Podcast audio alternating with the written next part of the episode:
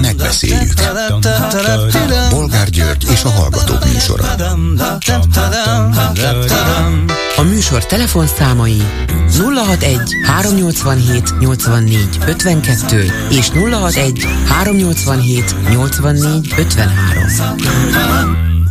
Jó napot kívánok a Klubrádió mikrofonjánál, Bolgár György.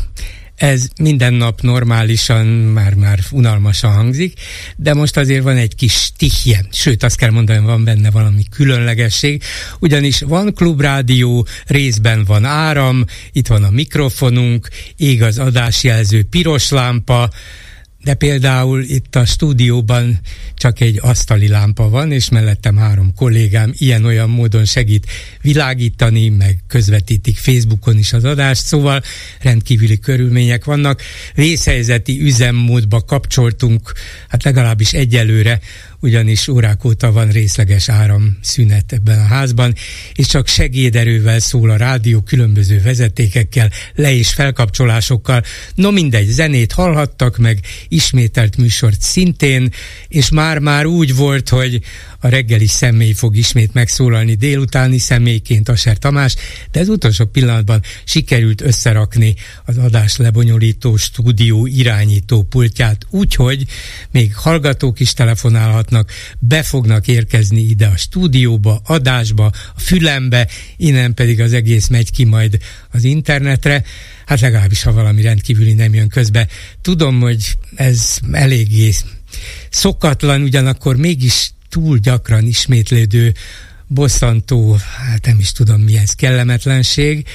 A lényeg az, hogy vagyunk, igyekszünk maradni is, és igyekszünk a hallgatókat ellátni hírekkel, műsorokkal, ne aggódjanak. Most ehhez képest, hogy mit ajánlok ma délután, ezután a kis sok után, ami nem csak minket ért, hanem önöket is, hát alapvetően azt a dolgot, hogy a Fidesz sunyogott, sunyogott, aztán mégis bekövetkezett az, amire mindenki, vagy legalábbis a, az okosabbak számítottak, hogy tudnilik a Mi Hazánk nevű szélső jobboldali ellenzékinek hazudott párt egyik képviselője beadott egy törvényjavaslatot, hogy állítsák vissza a listás választási rendszert a fővárosban, úgyhogy a jövő évi önkormányzati választásokon már ez működne. Ugye ezt miért kellett átpasszolni egy ilyen másik párt képviselőjének, nem tudjuk, de minden esetre még tegnap is azt mondta Kocsis Máté, a Fidesz frakcióvezetője, hogy azért kell csütörtökre, tehát holnap utánra rendkívüli ülésnapot szervezni, mert az állami számvevőszék eh, múlt munkáját kell összegezni. Hú, persze, hát az rendkívüli, azt azonnal meg kell vizsgálni. Tudni lehetett, hogy nem mondanak igazat, de miután ezredszer vagy százezredszer nem mondanak igazat, ez nem okozott nagy feltűnést. Hát már kiderült, hogy nem, nem, egyszerűen arról van szó, hogy szépen gyorsan a parlament elé viszik ezt a mi hazánkos javaslatot, és megpróbálják Karácsony Gergely főpolgármester, illetve az ellenzéki pártok helyzetét gyengíteni, mert a jelenlegi elképzeléseik, számításaik szerint a Fidesznek egy kicsit több esélye van, hogy megszorongassa az ellenzéki pártok többségét a fővárosban. Úgyhogy ez lesz a fő témánk, erről fogunk beszélni például ha nem sokára Tóth Zoltán választási szakértővel is.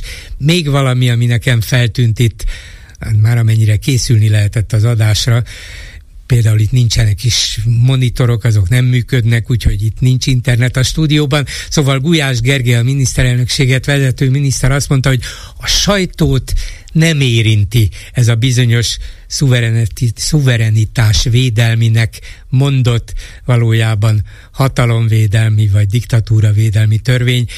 Márpedig ez nincs benne, hogy a sajtót nem érinti, és Varga Judit volt igazságügyi miniszter mai parlamenti felszólalásában tett rá egy célzást, hogy de igen, akár azt is érintheti, hiszen befolyásolhatják a választásokat.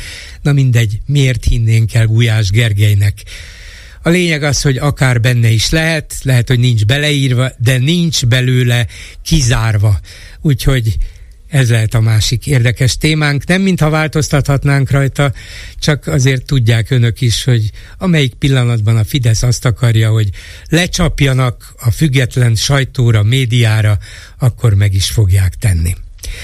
Hát szóval ennyit bevezetőként, és 387 84 52 a számunk, az egyik, 387 84 53 a másik, és akkor kérdezem Lantai Miklós kollégámat, hogy hallgató van a vonalban, igen, azt mondja igen, és utána majd Tóth Zoltán. Szóval jó napot kívánok!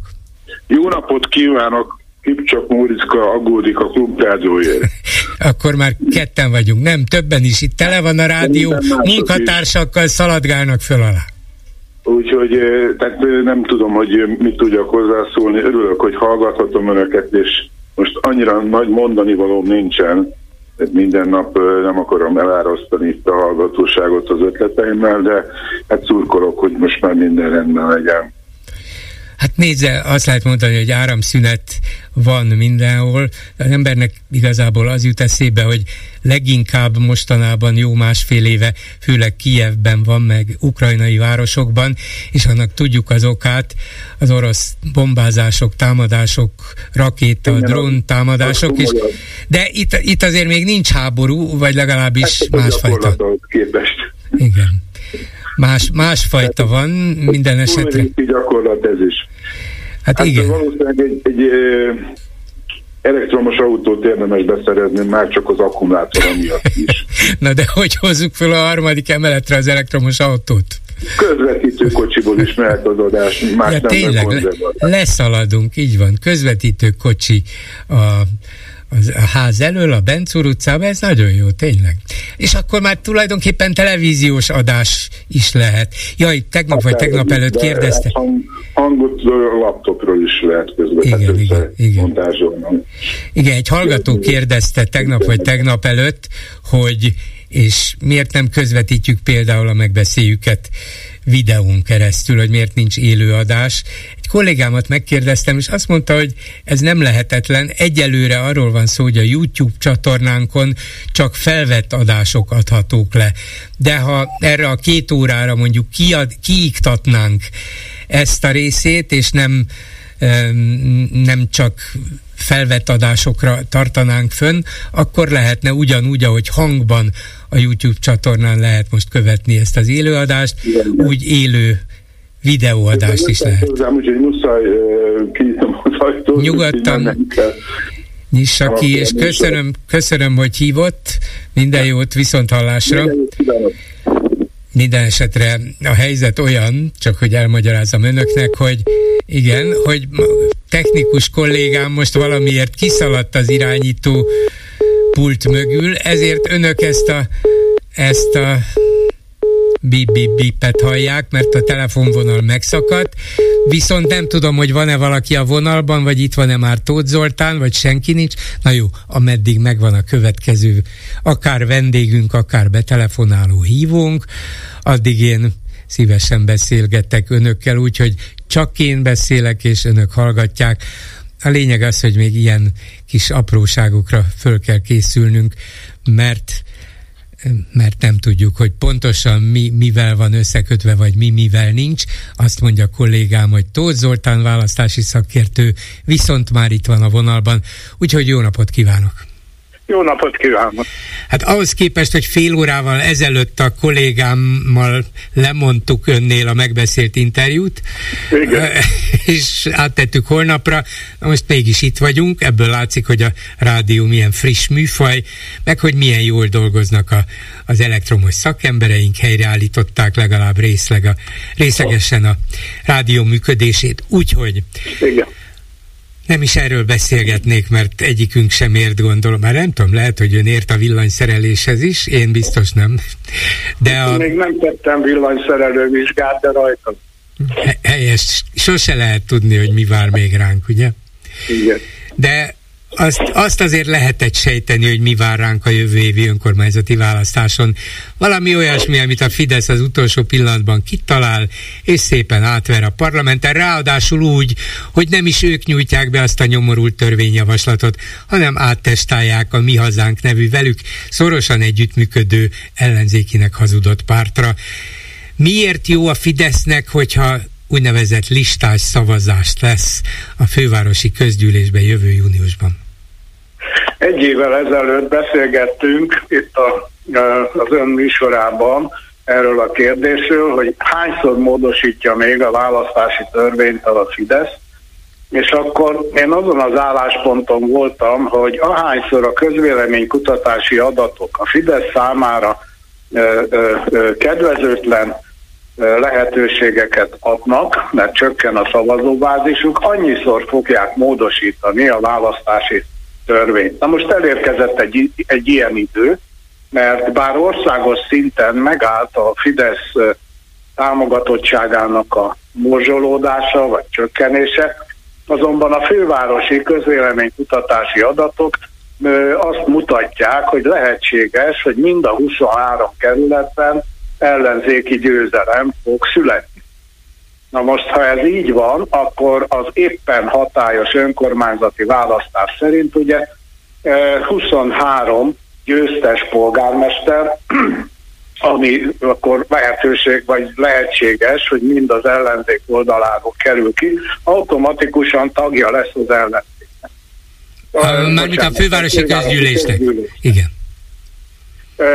És azt, hogy ezt a nagymértékű ellenzéki győzelmet megakadályozzák, ezért gondolták ki, hogy visszacsinálják az önkormányzati fővárosi listás választási rendszert, mert ott akkor nem egy totális vereséggel kell, hogy a Fidesz szembenézzen, hanem a, ha eléri a szavazatok 30%-át, akkor ennek megfelelően kap a fővárosi közgyűlésben mandátumot. Tehát nem tud egy átütő nagy ellenzéki győzelem létrejönni a fővárosi közgyűlésben. Mit jelent ez az ellenzéki pártok szempontjából? Tegyük föl, hogy a Fidesznek lesz 30, az ellenzéknek 70. De ezt úgy kell majd akkor arányosan elosztani, hogy a DK ennyi, a Momentum annyi, az MSP amannyi, a kétfarkú kutyapárt emennyi, a mi hazánk a jobbik, és így tovább. Tehát könnyen lehet, hogy éppen csak, hogy kijönne egy demokratikus ellenzéki többség a fővárosi közgyűlésben?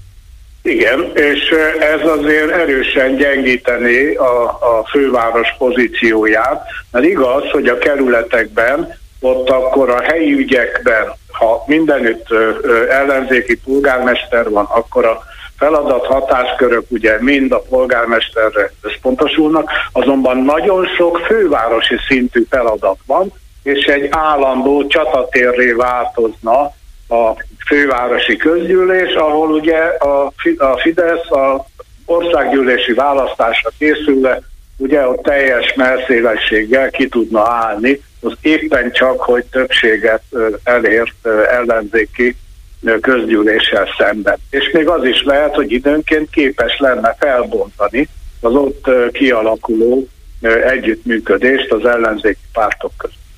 A főpolgármester választását ez a módosító javaslat érinti? Most nem érinti, tehát még annyi idő van 2024. június 9-éig, hogy ugye akár azt is beválthatják, azt a ha jól emlékszem, Lánci Tamás ígéretet, hogy az a normális közgyűlés, ahol maga választja a, a főpolgármester. Hát jobb, ha megtudja, hogy ez nem így van mert a fővárosi főpolgármester közvetlen választása az egy történelmi hagyomány Magyarországon 1990. Halló, halló! Igen, itt vagyok. 1990 óta, ezt mondta? Mert igen, a végét már igen, el... Igen, igen, igen. Jó, értem. Na de hát ez zavarja a Fidesz. Azt mondja, eddig ez volt, mostantól pedig más lesz, majd ez lesz a hagyomány.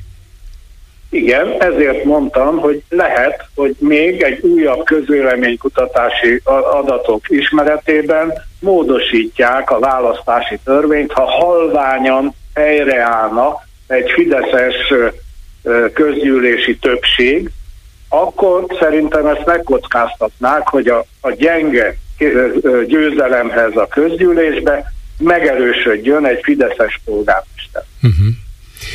Hát ez elég jól hangzik. Van valami törvényi vagy alaptörvényi korlátja annak, hogy meddig a pillanatig, vagy melyik pillanatig lehet változtatni az éppen esedékes választás szabályait? Nem, nincsen semmiféle ilyen ö, szabály, ö, azonban az bizonyára alkotmányos válságot ö, idézne elő, hogyha a választást megelőző 72 napon belül is lenne törvénymódosítás, az, az biztos, hogy kiütné a biztosítékot nem csak Magyarországon, hanem az Európai Unióban is. Hát még ezt is el tudom képzelni a Fidesz. Hát hadd üsse ki a biztosíték, meg hadd üsse meg a GUTA az Európai Unió különböző vezetőit, nem? Itt igen, is, igen, máshol hát is. Igen. Kísérleteznek állandóan. De láthatólag erre mértékadóan reagálnak az EU. Igen. Mi volna ebből a választási törvénymódosításból az a következtetés, amit az ellenzéki pártoknak célszerű lenne levonniuk? Azt, hogy össze kell fogni, közös listát kell indítani, és közös főpolgármester jelöltet kell állítani. Ez szerintem a választási matematika. Tudom, hogy vannak egyes vezető ellenzéki politikusok, akik ezt leszólják, és azt mondják, hogy Hát aki a választási matematikát hangsúlyozza, az nem ismeri az életet, mert ők olyan bölcsek, olyan okosak, olyan jól tudnak egymással kompromisszumokat kötni, hogy erre nincs szükség, de az élet határozottan más állít, és az ellenzéki választópolgárok döntő része, sőt a Fidesz egy része is egyetért azzal, hogy közös listát kell állítani. Ez persze az ő oldalukról is fontos, mert így a KDNP-t bevihetik a parlamentbe, illetőleg a közgyűlésbe. Ahogy most állnak a dolgok az ellenzéki oldalon, ennek a közös listás indulásnak nem sok esélyt adnék, de hát persze a, az új helyzetben akár másképpen is reagálhatnak erre az ellenzéki pártok, és azt mondhatják, hogy na jó, hát ezen a listán például nem fog szerepelni Gyurcsány Ferenc, mert az ő budapesti politikusaik közé nem tartozik. Tudjuk, hogy a pártnak ő az elnöke, de hát a budapesti DK listát mondjuk, DK listát mondjuk nem ő fogja vezetni. Tehát meg lehet itt egyezni, meg lehet találni azt a keskeny ösvényt, amin szépen végig sétálva egyszer csak megfogják egymás kezét az ellenzéki pártok, de nem látszik könnyűnek. Igen, ez bizonyára egy nehéz politikai feladat, mégpedig azért, mert ennek érdekében, hogy létrejöjjön egy ilyen, ehhez az ellenzéki politikusoknak dolgozniuk kell. Kompromisszumokon kell dolgozniuk, és ez elég kemény feladat, mert nem csak föl kell venni a havi fizetést, hanem ezért keményen meg kell dolgozni, és ezt a választó polgároknak ezt az igényét el kell, hogy fogadják. Persze lehet, hogy ezt nem teszik meg, de hát akkor tud ma a DK a fővárosban egymagába közgyűlési többséget elérni, és a, a, a polgármesteri ö, ö, pozícióknak a többségét elérni? Én szerintem nem tud. Tehát csak akkor van erre remény, hogyha összefognak, és az összefogásnak az eredménye pedig a legjobb jogi módszer az a közös lista. Hát köszönöm szépen Tóth Zoltán választási szakértőnek, megint föl van adva a lecke. Szerintem ezt a leckét a hallgatóink többsége már megcsinálta otthon többször fejben Igen. is, gyakorlatban is. Most már csak a hivatásos politikusoknak kellene Igen. az eddiginél jobban. Köszönöm És szépen. csinálniuk az Európai Uniós listában is. Hát igen, akkor megint mély levegőt kell vennünk, igen. és egy kis szünetet tartanunk, hogy mi miért nem fog bekövetkezni, de hát ha ebben az önkormányzati budapesti esetben mégis. Köszönöm szépen még egyszer, viszont hallásra! Viszont hallásra! És egy betelefonáló a vonalban, jó napot kívánok! Jó napot kívánok, Bolgár úr, Gábor vagyok Debrecenből. Parancsoljon! Kérem szépen ehhez a szuverenitási törvényhez szeretnék hozzászólni többek között. Igen. Bennünket, demokratákat egy kicsit negatívan érintett ez a dolog, mert úgy érződött, hogy ez ellenünk lett kitalálva. jól érezték, jól éreztük. Szerintem De ez nem is. igaz. Na, miért nem? Ez nem igaz. Miért? Hát kérem szépen, ez Putyin elszás már tíz éve megcsinálta, hogy védje Oroszországot. De, Innestől fogva. De hát on, ott, is a, ott is a demokraták ellen irányult.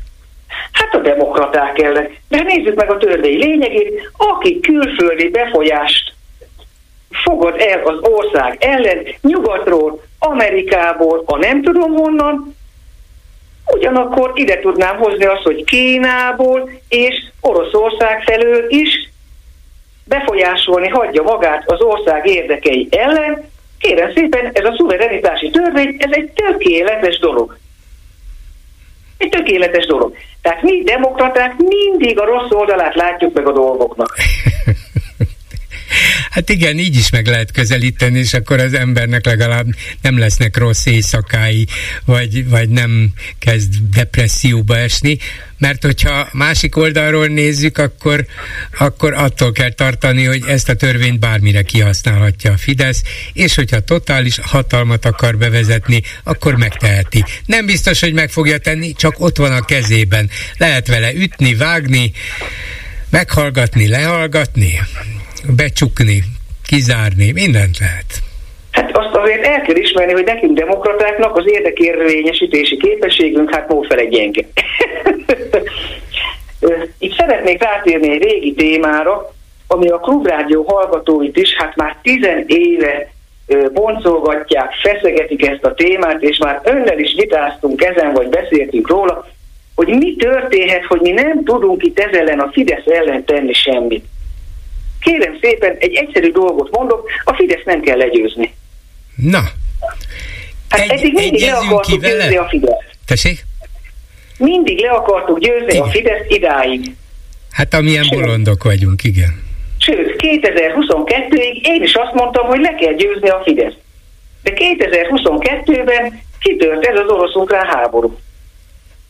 És itt olyan dolgok történtek, hogy erről, mintha, mintha senki nem akarna beszélni, hogy mi történt a 22-es orosz-ukrán háború után. Kérem szépen, kiderült, hogy Orbán Viktor egy orosz ügynök. Kész, ennyi. Na de még ha kiderült volna is, sajnos nem derült ki ilyen egyértelműen, vannak feltételezésünk, seink, vannak rossz érzéseink, de ez egy az egyben nem derült ki, de még ha kiderült volna is, és itt lenne papíron, akkor se akkor se tudnánk vele mit kezdeni, mert Istenem, Istenem, hát a választókat nem érdekli. Orosz ügynök vagy nem orosz ügynök, nem számít. Nagyon jól mondja Bolgár úr. Ugyanakkor azt mondanám önnek, hogy látjuk a Fidesz propagandát, hogy mindenféle hazugságot terjeszt, igaz? És ezt az emberek elhiszik. Na most én ezzel szemben azt állítom, ami tény és való, 2008-ban Orbán Viktor Ukrajna NATO tagságát javasolta. 2008-ban. Igen. 2009-ben, tehát a tízes választás előtt Orbán Viktor kilátogatott Szentpétervárra Vladimir Putyin eltárshoz a Oroszország, a mi hazánk, nem tudom milyen párt igen, kongresszusára. Igen, kormánypárt kongresszusára, úgy van. És ez az Orbán Viktor, aki Ukrajna NATO felvételét javasolta, 2010 után nem vettük észre, még én se vettem észre, egy évtized kellett, mire észrevettem. Orbán Viktor orosz politikai, gazdasági és társadalmi modellt épít. Tessék megnézni, mi van Oroszországban. Értem, Ugyanaz most kezd leesni a tantusz. Azt mondja, hogy itt van ez a remek kis új szuverenitásvédelmi törvény, amit pillanatokon belül elfogadnak, amelynek értelmében három év szabadságbüntet, szabadságvesztéssel büntethető az, aki külföldi pénzzel, külföldi érdekeket kiszolgálva megpróbálja befolyásolni a magyarországi választásokat. Hát akkor itt van nekünk Orbán Viktor. De hát ez a Fidesz maga. Hát amióta megcsinálták a gázcéget, ezt a Garancsi viszi, ezt a MET nevezetű céget, amit még a demokraták se ismernek, nem hogy a Fidesz szavazók. Hát millió orosz gázból származó pénzt nyúlnak le. Bolgárul, maga szerint miért ragaszkodtunk mi ahhoz, hogy orosz gázt vegyünk, mikor szankcionálták az orosz gázt? És horribilis pénzet. Tudja maga azt, hogy hány százalékot kapott vissza ebből Orbán Viktor meg a bandája? Én se tudom egyébként, de biztos, hogy nem így csinálták. Hát az a baj, hogy ezeket bizonyítani kell, de az, amit előbb mondott, hogy orosz érdekeknek hogyan próbált megfelelni, hogyan, um, hogyan próbálta a magyarországi helyzetet, politikai viszonyokat, választásokat, stb. befolyásolni, hát azt mondanám, hogy akár egy próbapert is megérne. Jó, tudom a végeredményt, vagy nem is, nem is kell végeredményre várni, tudom a rögtöni elutasítás hogy, hogy ez, ez, ez egy hiába való kísérlet lenne, de tulajdonképpen tartalmilag mégiscsak beleillik abba, hogy szuverenitásvédelem, hát akkor védjük meg Magyarországot az orosz befolyástól. Ki az orosz befolyás főlettéteményese? Orbán Viktor és pártja. Így van. És mindenféle Fidesz propagandát beveszünk, ami valótlan, ennek az orosz befolyásnak pedig valóságos alapja van, kezdve onnan, hogy legalább 15-ször találkozott Vladimir Putyinnal. Visszatérnék erre a szuverenitási törvényre. Meg kell ország szuverenitását. Kint volt a mi Viktorunk Pekingbe, és azt mondta, nem lehetett ellent mondani ennek az invitálásnak. Hát könyörgöm, hát milyen szuverén ember az Orbán Látja, milyen jó, nagyon jó, nagyon jó, amit felhoz. Hát ha nem lehetett ellentmondani, hát akkor Orbán Viktor és Magyarország szuverenitását sértették meg egyszerre ezzel. És én nekem itt van egy hiányérzetem, no. hogy a demokrata pártok miért félnek kimondani, és miért félnek feltételezéseket ö, nyilvánosságra hozni, hogy mivel tartja Orbán Viktort, a Putyin eltárs a markába. Hm. Hát én magam tudnék mondani hármat, négyet. Nem félnek az ellenzéki pártok. Nem, nem, nem félnek az ellenzéki pártok, és meg nem is tették, e, megtették ezt többször is. Csak amit kapnak a képükbe, arcukba, hogy durvább kifejezést ne használjak, azt, um, azt nem teszik zsebre. Szóval vagy ignorálják teljesen a kérdéseiket, nem arra válaszolnak, vagy még durvábban válaszolnak vissza, tehát hiába vetik föl, hiába van tartalmilag igazuk, ezzel nem érnek el semmit, és hiába ismétlik el századszor, hogy orosz ügynök, orosz befolyást képvisel, az oroszok politikáját valósítja meg, törvények ö, meghozatalától kezdve a konkrét magyar politikában, akár energiapolitikában, gázimportban, atomenergiában, mindenben. De nem érnek el vele semmit, hiába mondják, ennek nincs konkrét következménye, és ezért lehet, hogy úgy gondolják, hogy hát most minek ismételjen meg ezredszer is, hát nincs eredménye, lássuk Hát de polgár úr, a Fidesz ezredszer is megismétli, és elmondom, hogy én, mint a nép egy tagja, és politikafogyasztó, egyáltalán nem érzékelem azt, hogy az összes ellenzéki párt elmondaná ezt az orosz vonalat. Nem mondja el. Nem mondja el, nem mondja el. Érintik, és olyan szégyellősen, jaj, hát elmondtuk, hogy, hogy, hogy hát egy kicsit közel vannak egymáshoz. Miért nem lehet keményebben beszélni? Hát igaza van, kéne, kéne. Még akkor, no. is, még akkor is kéne, hogyha nem sok eredménnyel kecsegted. De köszönöm szépen, érdekes, érdekes dolgokra hívta fel a figyelmet. Én is köszönöm Minden jót, viszont hallásra. Háló, jó napot kívánok! napot kívánok! Igen, hallgatom önt, parancsoljon. Hát hiányolom, hogy kimaradt a téma felvetések közül a következő. Az államkincstár tegnap leveleket küldött hát embereknek, melyben, hát mint a konzultációban, föltesznek egy kérdést, hogy mit szólna ön, hogyha nagyjából mit szólna ön, hogyha bevezetnék azt, hogy nem egy százalék lenne a visszaváltás, hanem megváltozna. De, És többféle válasz van, hogy engem nem zavar, vagy, vagy van olyan, hogy tudomásul veszed, tehát gyakorlatilag tesztelik ugyanúgy, mint a konzultációban a lakosságot. Miután már beugratták őket, mindenki vette ugye észnékül a infláció követő papírt, most ugye az utolsó nap ma leállították a 233 it és most már egy sokkal rosszabb kondíciójút fognak kihozni 30-ától. Tudtommal azt kérdezik, hogy tisztában... látszott ez, beszéltek sokat emberek arról, hogy mi lesz ennek a vége, hogyha sokan ki akarják venni, akkor biztos meg fogják változtatni a egy százalékot kettőre, vagy tízre, akármennyire, mert benne van, hogy megváltoztathatják. És a Varga Mihálytól ma meg is kérdezték ezt, tehát persze tagadta, hogy nem fognak ilyet csinálni, de hát az, az, az semmit nem jelent. Persze. A kérdésben azt hiszem az van, hogy tisztában vannak-e az emberek azzal, hogy megváltoztatható, ahogy ön is mondja, a törvény erre lehetőséget ad. Nem ez a gyakorlat, de meg akarták valószínűleg tudni, talán éppen azért, hogy ez sokkolná-e az államkötvények tulajdonosait, hogyha hirtelen nem veszteség nélkül, hanem komoly veszteséggel lehetne visszaváltani a kötvényt annak lejárta előtt. De én is azt gondolom, hogy ezt az egészet azért csinálják, mert előbb-utóbb meg akarják tenni, még ha Varga Mihály cáfolta is ezt a mai, nem cáfolta, tagadta. Cáfolni nem igen, tudta. csak mellé beszélt. I- igen, igen, igen. Tehát azt mondta, hogy nincs ilyen szándék. Gyakorlatilag, hát még nincs hogyha beállítja mondjuk a 20%-ra a visszaváltást, vagy, vagy 10-re, az, az már egy csomó embert el fog tántorítani. Hát hogyne, hogyne. És akkor az azt azt írja... azt mondani, hogy nem fizetünk semmit, bocsánat, nincs pénz, hanem mindenki ott hagyja. Hát igen, de nem hagyja ott, mert az sok pénzbe kerül neki, tehát arra kényszerítenék az embereket, jó, hát akkor vettél egy öt éves lejáratú államkötvényt, tartsd is meg, és nem fogsz igen, belőle igen, igen, hát ez, ez az. Igen.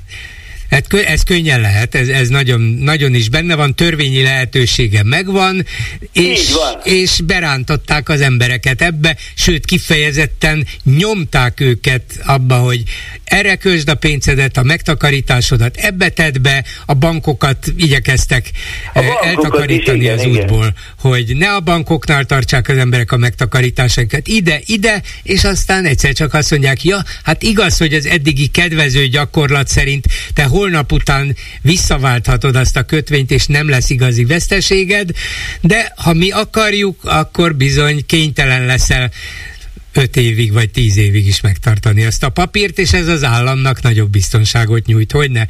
Hát tudjuk, hogy így hazudoznak. Egyébként a 2029 bit az már csak 1,5-tel lehetett visszaváltani az, vagyis az államkincstárnál. Tehát ott már másfél százalékos veszteség volt. És uh-huh. akkor már 1,5 volt. Igen, hát az még belefér, de hogyha ennél nagyobb, Na, akkor jó, már... természetes. Igen. Köszönöm szépen, jó, hogy fölhozta ezt. Azért nem vettem ezt elő, mert látta itt minket. Elsősorban az foglalkoztatott, hogy egyáltalán behet-e ülni a stúdióba, lehet-e beszélni önökkel, elére az ön hangja az enyémhez, vissza tudok-e önnek szólni, és a hallgatók egyáltalán hallhatják-e. De miután ez megtörtént, örülök, hogy ezt a témát is előhozta. Köszönöm, viszont hallásra. A telefonnál pedig Kálmán Olga, a Demokratikus Koalíció elnökségének tagja és országgyűlési képviselője. Szervusz Olga! Szervusz, szervusz. Hát uh, mielőtt belevágunk a mi témánkba, én azért osztom a hallgatónak az aggodalmát, mert hogy azt már azért megszokhattuk az elmúlt 13 évben, hogy a fideszesek csak akkor hazudnak, amikor éppen mozog a szájuk. Tehát mindig. Hogy Varga Mihály ma szent fogadalmat tett, hogy ah, ilyen még soha nem történt. Hát mennyi mindenről gondoltuk, hogy ilyen soha nem történt. Hát aztán a Fidesz meg is meglépte. Nem jó húzások ezek, és utána meg elkezdenek csodálkozni, hogy miért nincs bizalma a piacnak a magyar kormány iránt.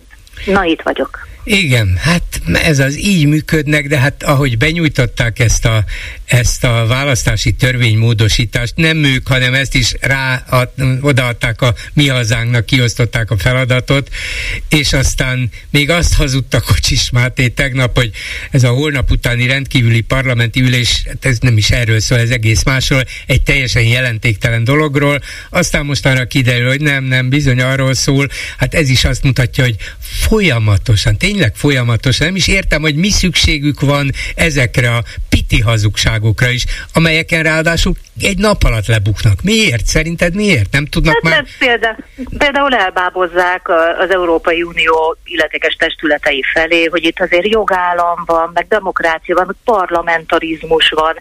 Hát persze, eljátszhatjuk, de hát a, a napnál világosabb, hogy a mi hazánk az most már a Fidesznek a Stróman cége, tehát, hogyha éppen le kell fóliázni Elsimon Lászlót, vagy, vagy éppen meg kell változtatni fél évvel a választások előtt a szabályokat át kell írni, hát akkor füttyentenek egyet, és akkor mindjárt az van, hogy nem a Fidesz, nem, csak éppen egy olyan, olyan pártról van szó, amiben nem először látjuk, hogy, hogy segít a Fidesznek. Igen, na de ehhez képest a DK váratlanul előállt egy olyan javaslattal, amit többen észszerűnek tartanak elemzők is, legutóbb például Tóth Zoltán választási szakértő egy fél órával ezelőtt, hogy tudnillik a DK azt kezdeményezi, hogy a demokratikus ellenzéki pártok közös listán induljanak a jövő évi budapesti önkormányzati választáson. Tóth Zoltán szerint ez a logikus, ennek volna a legtöbb reménye és esélye. Az ember viszont úgy gondolhatta, vagy a politikát figyelő, hogy hát talán éppen a DK lesz ennek az egyik akadálya, mert ők a legerősebbek, hát ha nekik ez nem lenne előnyös. Na szóval, hogy, hogy ti léptetek elsőnek? Ebben szerintem semmi csoda nincs. Először is szögezzük le, hogy ez Budapestre vonatkozik. Tehát, hogy nem országosan, egyébként országosan is, hogyha visszaemlékszünk, ezt több évvel ezelőtt már megcsinálta a Fidesz, ugyanígy fél évvel a választások előtt. Tehát ez a mostani metodika, amit terveznek, és hát sok kétségünk nincs, hogy véletlenül, ha már napi rendre veszik egy ellenzéki pártnak, úgymond ellenzéki pártnak a javaslatát, amit soha nem szoktak, akkor ez valószínűleg át, át is fog menni a parlamenten. Szóval, hogy ez a bizonyos listás választás, ez ugye az országgyűlési választásokra is érvényes, hiszen hogyha van egy közös miniszterelnök jelölt, akkor az őt támogató pártok azok közös listán indulhatnak. Na ugyanezt akarják Budapest esetében. A Demokratikus Koalíció ugye múlt héten bejelentette, hogy támogatjuk, és elsőként jelentettük be a demokratikus ellenzéki pártok közül, hogy támogatjuk Karácsony Gergely közös főpolgármester jelöltségét. És mi ezt nagyon komolyan is gondoljuk, hiszen neki van esélye ö, megtartani és szabaddá építeni Budapestet. Na most, hogyha ezt komolyan gondoljuk, már pedig komolyan gondoljuk, akkor, és átmegy ez a javaslat a parlamenten, akkor nincs más lehetőség. Akkor igenis, itt vagyunk, nem is tudunk és nem is akarunk más tenni, mert komolyan gondoljuk Karácsony Gergely főpolgármesteri jelöltségét. Ha ennek ez lesz a szabálya, akkor kérem szépen javasoljuk azt, hogy közös listán fogunk indulni minden párt, aki azt akarja, hogy Karácsony Gergely legyen az ellenzék főpolgármester jelöltje. Hát, hogyha a Fidesz megváltoztatja a szabályokat, akkor lépünk mi is, és alkalmazkodunk hozzá. Van más választásunk? Nem, hát nincsen természetesen, illetve elvi lehetőségek vannak, csak azok rombolják az ellenzék esélyeit. Az a kérdés, hogy a többi ilyen-olyan ellenzéki párt, azért nem mindegyik egyforma, mennyire hajlandó ezt belátni? Hát én bízom mindenkinek a józanságában. Még egyszer mondom, a Fidesz nem szokott ellenzéki javaslatokat napirendre venni. Semmit. De még egy bizottsági meghallgatás sem, nem hogy egy törvénymódosítást. Most a mi hazánkéval megtette, és ahogy te is említetted, jött itt tegnap Kocsis Máté, hogy az állami számvevőszék éves beszámolóját kell megtárgyalni a rendkívüli ülésnek, sen a parlamentnek. A rendkívüli ülés volt hétfőn is, kedden is, vagyis ma. Akkor még nem jutott eszükbe, hogy úristen, de fontos az ásznak a megtárgyalása, jelentésnek a megtárgyalása. Hát ez volt a nagy sundám bundám, hogy majd kell egyszer csak egy rendkívül ülés, amikor ezt bedobhatják a mi hazánk javaslatát. Szóval még egyszer mondom, ez át fog menni, hogy a Fidesz akarja, át fog menni. A bátor emberek megszavazzák a parlamenten. És gondolod, Akkor pedig nincs más lehetőség. Gondolod, hogy például az Európai Unió most már Orbánt valószínűleg alaposan kiismerő különböző tárgyaló felei, partnerei ezt beveszik, és azt mondják, hát tényleg ez a Fidesz végül is ellenzéki képviselői javaslatot is befogad, hajlandó is megfontolni, sőt megszavazni. Hát ők is legalább annyira tudják, mint az itteniek, hogy ez az egész csak hazugság, az egész csak egy ócska játék, és ráadásul arra megy ki, hogy az ellenzéket itt is valamilyen kalodába szorítsák. Hát persze, hogy nem veszik be. Ez Orbánnak a nagy tévedése. Azt gondolja, hogy az egész világ mondjuk Kovács Zoltán leveleiből, meg, meg olvasói leveleiből, meg nem tudom miéből tájékozódik. Hát hál' Istennek azért az információ nem áll meg az ország határánál.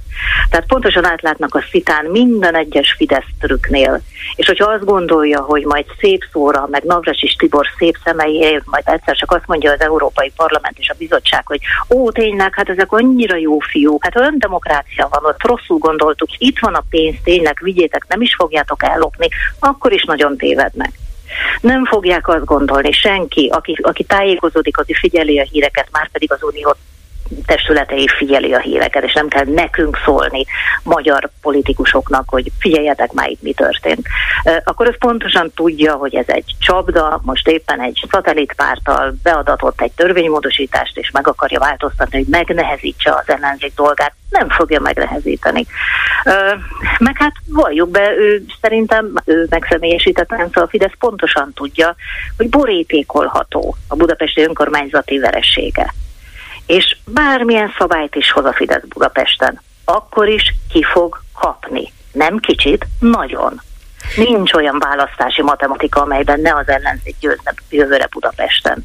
Úgyhogy mókolhatnak a jogszabályokkal, felkérhetik a Stróman cégüket, hogy nyújtsa be helyettük, aztán ők majd eljátszák, hogy itt parlamentarizmus van, és elfogadnak egy ellenzéki javaslatot, akkor is ki fognak kapni Budapesten. Pont. Az imént említetted néhány perce, hogy a múlt héten a DK kötött egy ilyen részleges választási megállapodást, aminek értelmében támogatni fogjátok Karácsony Gergely főpolgármester újabb indulását. És ez azért érdekes, mert mert azért a DK és Gyurcsány Ferenc elnök többször is érzékeltette, hogy azért van problémája a karácsony működésével, és a DK-nak volnának, lehetnének jó jelöltjei, meg is fogja fontolni, hogy ezeket indítsa karácsonyjal szemben. Mi döntött mégis mellette? Gondolom ott voltál, amikor erről a döntésről beszélgettetek, vitatkoztatok, vagy teljes egyetértésben meghoztátok a döntést az elnökségben. Mi döntött karácsony mellett? Igen, nálunk az ilyen nagy horderejű döntések, azok valóban elnökségi döntések szoktak lenni. Szerintem a józanész. Hát Karácsony Gergelyről pontosan tudjuk, hogy négy éve teljes kormányzati ellenszélben vezeti Budapestet, és az is ismert a mi véleményünk, a dk véleménye, hogy a feladat még nincs elvégezve, ami a város napi működésével kapcsolatos. És azt is gondoljuk, hogy Budapest egy szabad Magyarország megteremtésének a kiinduló pontja kell, hogy legyen, és ez még egy elvégzendő feladat. Ezt is várjuk a főpolgármestertől. A józanész az diktálja, hogy Karácsony Gergelyben sokan bíznak, Karácsony Gergelyben mi is bízunk, hogyha Budapest lakossága, választópolgárai úgy gondolják, hogy ezt a szabad várost, szabad Budapestet és ennek egy lépcsőjeként majd egyszer a szabad Magyarországot megteremtik, akkor természetesen a döntésünk az volt, hogy mögé állunk és támogatjuk. Miután te ma egy sajtótájékoztatón közölted, hogy a DK javasolja a közös ellenzéki lista felállítását a jövő évi budapesti önkormányzati választásokra, mit terveztek, hogy előálltok egy konkrét javaslattal, elkülditek minden demokratikusnak nevezhető ellenzéki pártnak, hogy üljünk le még decemberben, ebben az évben, karácsony előtt, vagy emészétek meg, és valamikor januárban tegyük meg ezt, és a DK hajlandó ezt akár megszervezni, vagy, vagy közösen egyezünk meg valakiben, mondjuk a főpolgármesterben, hogy ő ezt, ennek legyen valamiféle házigazdája, szóval van már ennél konkrétabb elképzelésetek is, mint az, hogy legyen ilyen közös ellenzéki lista? Ez stílusos, ahogy mondtad, hogy üljünk le karácsony előtt, inkább azt gondolom, hogy üljünk le karácsonyjal. Mindannyian, Karácsony Gergelyel, én remélem, hogy a többi ellenzéki párt is, és ez már csak időkérdése, a demokratikus ellenzéki pártokról beszélünk, be fog állni Karácsony Gergely mögé. De ebben semmiféle csoda nincs, ezek a tárgyalások már tartanak. Ezt nem most kell megszervezni, maximum át kell gondolni, így, hogyha a Fidesz húz egyet, és csütörtökön már erről akar tárgyalni, hogy a megváltoztatja a szabályokat. Az önkormányzati választásokkal kapcsolatos tárgyalások azok már hónapok óta tartanak. Ezt szerintem mindenki tudja, hiszen ez így volt 2019-ben is.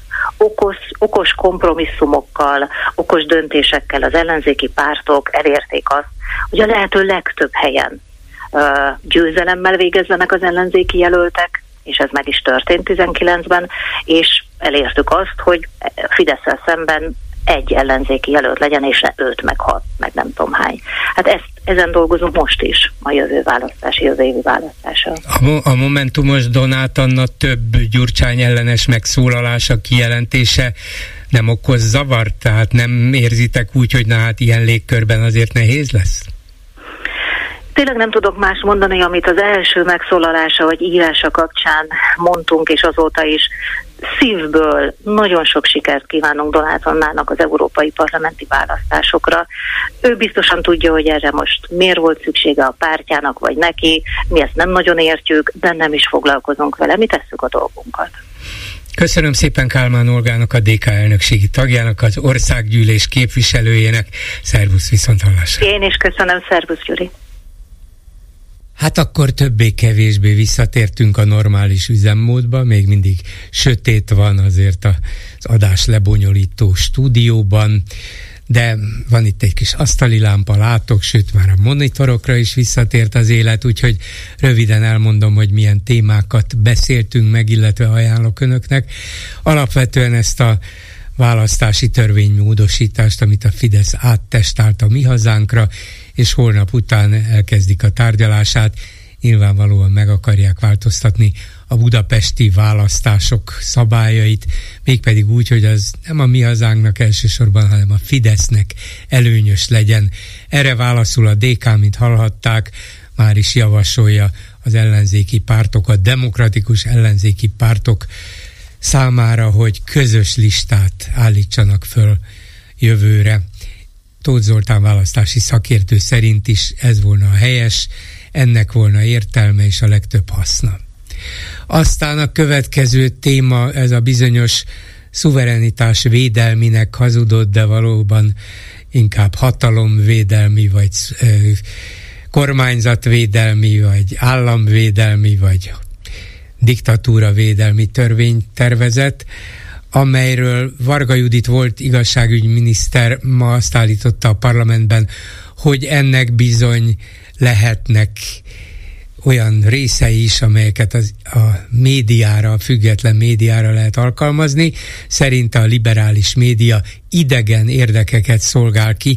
Hát ha ő ezt a törvény vitájában így adja elő, akkor gyakorlatilag könnyen elképzelhető, nincs kizárva a törvényben, hogy lecsapjanak minden olyan szerkesztőségre, médiumra, amely valamilyen külföldi támogatást tudhat magáénak. Nekem még az is eszembe jutott, lehet, hogy ez túlzás, de elvileg még ez is benne van, hogy mondjuk egy RTL televízió, amelyik külföldi tulajdonban van, Hát miért ne lehetne rámondani, hogy kérem szépen, ezek külföldi érdekeket képviselnek. Ezek meg akarják változtatni a magyar választó gondolkodásmódját, és befolyásolni akarják őket a következő választásokra.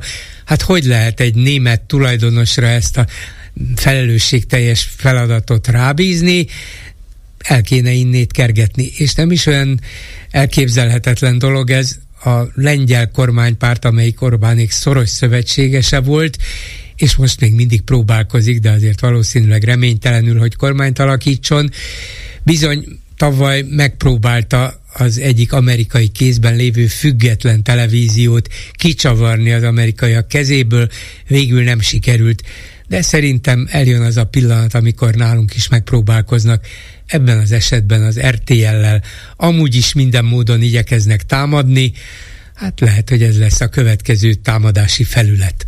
Szóval Varga Judit szerint igen, a liberális média kiszolgálja az idegen érdekeket, Gulyás Gergely miniszter azt állította viszont, hogy a törvénynek nem lesz hatása a sajtóra. Hát ameddig Gulyás Gergely miniszter, még az is lehet. De az is lehet, hogy egy idő után még miniszter, és megváltoztatja a véleményét. Ha a törvény ezt nem zárja ki, a Fidesz nyugodtan alkalmazhatja.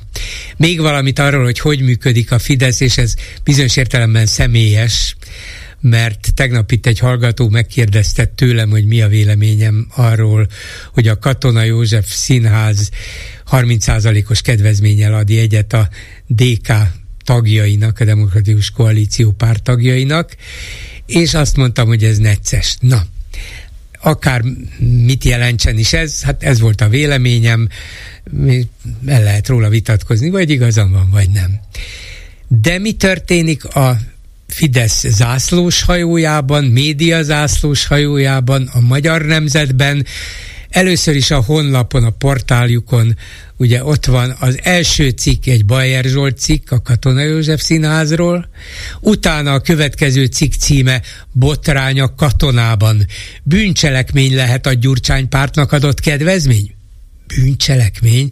Hát egy kicsit erős, de ott van azért az, hogy lehet. És mi a harmadik cikk? Hát én magam sem értettem, Bolgár György is elmondta a véleményét a Katona József Színház ügyéről, és képesek voltak idézni a tegnapi műsorból azt, hogy egy hallgató kérdésére azt válaszoltam, hogy necces. Ilyenkor az emberben fölvetődik, hogy mi van, hogy ilyen módon fi- figyelik 24 órán keresztül az összes médiumot, például ezt a műsort is nagyon helyes egyébként, hallgassák csak bátran, ajánlom a fideszeseknek, hogy hallgassák a megbeszéljüket, nem fog nekik ártani, de hogy Bolgár György mit mond a Katona József Színháznak a, a jegy kedvezményéről, hogy ez legyen a harmadik hír a magyar nemzetben, hát most már megértem, hogy miért 22 milliárd forintért végzi el például a Nézőpont Intézet a média figyelését, monitorozását, de még az is lehet, hogy egy másik cég, egy másik szervezet végezte ezt, és hallgatja le az én műsoromat, és dugja oda a fideszes propaganda szervezőinek, szerkesztőinek, készítőinek, ide figyeljetek, a bolgár azt mondta, hogy necces, tegyük be rögtön ezt, és megy is végig Fideszes médiában, a Mandiner is rögtön idézte, mert a bolgár azt mondta, hogy necces. Hát józanok ezek, kérdezem én. De egy betelefonáló van a vonalban. Jó napot, jó estét kívánok! Jó napot kívánok! Török Bálintról beszélek. A utóbbi időben gyakran olvasom, hogy drámaian megnőtt a ukrán-magyar határ és a román-magyar határól bejövő menekülőknek a száma, közel tízezret is eléri naponta. Az azt jelenti, hogy ha legkevesebb a 3-5 ezer biztos van naponta, az, az havonta 100 ezer, évente kb. 1 millió. Ezzel igazság szerint nem tudom, hogy hogy, minek nevezi a Orbán kormány a, a, a innen érkezőket, hogy mondjam, vendégmunkások, migránsok, vagy egyáltalán az valószínű, hogy irányítani ő nem az ember csempészek irányítják, hogy szlovák határhoz menjenek választás idején, vagy az osztrák határhoz, ahol éppen a jobb oldalnak így megerősíti a, a, a lehetőségüket, a szerepüket. Szóval nagy csönd van arról, hogy végül is adatokat közölnek, a többiről nem közölnek, hogy a Szerbiából mennyien jönnek pontosan, de érdekes módon ezt a, a ukrán oldalról közlik, és azt nem tudom, hogy végül is az a céljuk, hogy megszervezze a kormány, hogy tűnjenek innen el minél előbb az országból, vagy pedig fölkarolja őket. Uh-huh. Mert erről nagy csönd van, hogy a napi tízezer, vagy napi ötezer ember, aki megérkezik, hogy mi a sorsuk, mi ez, a lehetőség. Ez egy tudatos félrevezetés, ami itt zajlik. Igen, a különböző hírszolgáltató szerveiknél, portáljaik van stb., de még az atv.hu-n is ezt olvasom, hogy minden eddiginél több óriási nyomás, és így tovább a határon, hogy tízezren, vagy több mint tízezren jöttek át, ezek alapvetően nem menekültek. Nem menekülnek az orosz támadás elől, ez így volt az első hónapokban, aztán a dolog kezdett átalakulni, ez egy normális határforgalom, azok, akik át tudnak jönni, átjönnek, lehet, hogy családjukkal találkoznak, az is lehet, hogy különböző ügyes-bajos ügyeiket intézik, lehet, hogy üzleti ügyeket vesznek, eladnak, visszamennek, magyarán normális forgalom zajlik. Ezekkel az ukrán, ukránokkal vagy Ukrajnából érkezőkkel alapvetően a magyar államnak nincs dolga. Naponta talán néhány tucat van olyan, aki állami segítséget kér Magyarországtól, de éppen azért, mert bejönnek vagy Románián, vagy az ukrán határon keresztül naponta körülbelül tízezren, és ez egy hónapban akár 300 ezer is lehet, lehetne, azt már nem közlik, hogy mennyien mentek vissza ugyanazon a napon Ukrajnába, vagy Románián keresztül Ukrajnába, pedig lehet, hogy az egyenleg az gyakorlatilag nulla, bejöttek tízezren, kimentek tízezren. Szóval nincs ebből a szempontból válság, háború van, de nem menekülnek többen, mint amennyien a háború elején, sőt, gyakorlatilag hagyományos értelemben vett menekült nem igen van már. Igen, csak a, a másik kérdés, amikor azt mondja, hogy fél millió vendégmunkásra számít, hogy érkeznek, arról nem beszél, hogy hány százezre mennek innen évente ki. Hát Magyarországról nyugatra, ami pontosan azért kell ez a fél millió, mert elüldözi az egészségügybe a pedagógus szakmában dolgozókat, és jó néhány szakmából, és mindenki inkább kimegy, mint hogy itt szenvedjen a, a, a évbérért. Úgyhogy erről erről kellene neki beszélni, amikor fél milliót idehoz, akkor az ne csodálkozó, hogy nem fél millió, hanem egy millióan kivándorolnak innen. Ami nagyobb akár az országnak, jó hát van. E- ez így van, önnek igaza van ebben, csak hát miután az Orbán kormány nem tudja megakadályozni, nem tudja lezárni a határokat, ezért aztán 5-600 ezer, de lehet, hogy már több ember is kiment nyugatra dolgozni, és valóban van munkaerőhiány, ezért aztán szerintem ugyan nem 500 ezeret, ez csak Orbán valamiért bele bedobta a köztudatba, hogy legalább fél millió fog kelleni, annyi valószínűleg nem, de 100-150 ezer vendégmunkásra valószínűleg szükség lesz a különböző nagy beruházásoknál, például akkumulátorgyáraknál és hasonlóknál, de igaza van, ez egy, már csak azért is egy, egy ócska hazudozás és, és az emberek félrevezetése, mert közben a kormány folyamatosan azt mondja, hogy ezekkel a migránsokkal nem lehet. Ide ne jöjjön senki, aki azért jönne, mert jobban akar élni, mi nem engedjük azoknak, akik külföldre, mert ez egy másik kultúra, és mi meg akarjuk védeni Magyarországot. Hát azok az emberek is ide jönnek két-három évre, más kultúrából, más nyelven beszélnek, itt akarnak jobb, többet keresni és jobban élni, valamennyire minimálisan beilleszkedni a magyar társadalomba, de közben a Fidesz kormány azt állítja, hogy ezekkel a külföldiekkel mi nem. Aztán ő importálja őket.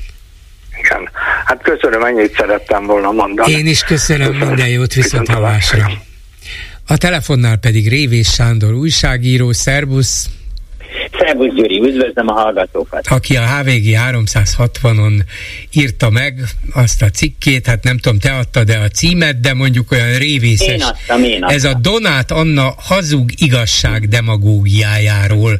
És ebből bár a hallgató nyilván elkezd gondolkozni, hogy most mi is van, de valószínűleg a hazugot jól értelmezi, mert azt írod ebben a cikkben, hogy amit Donát Anna itt az elmúlt hetekben kifejtett különböző fórumokon, Gyurcsány Ferenccel meg a DK hazugság politikájával kapcsolatban, az is hazug. Miért hazug, és miért, miért demagógia?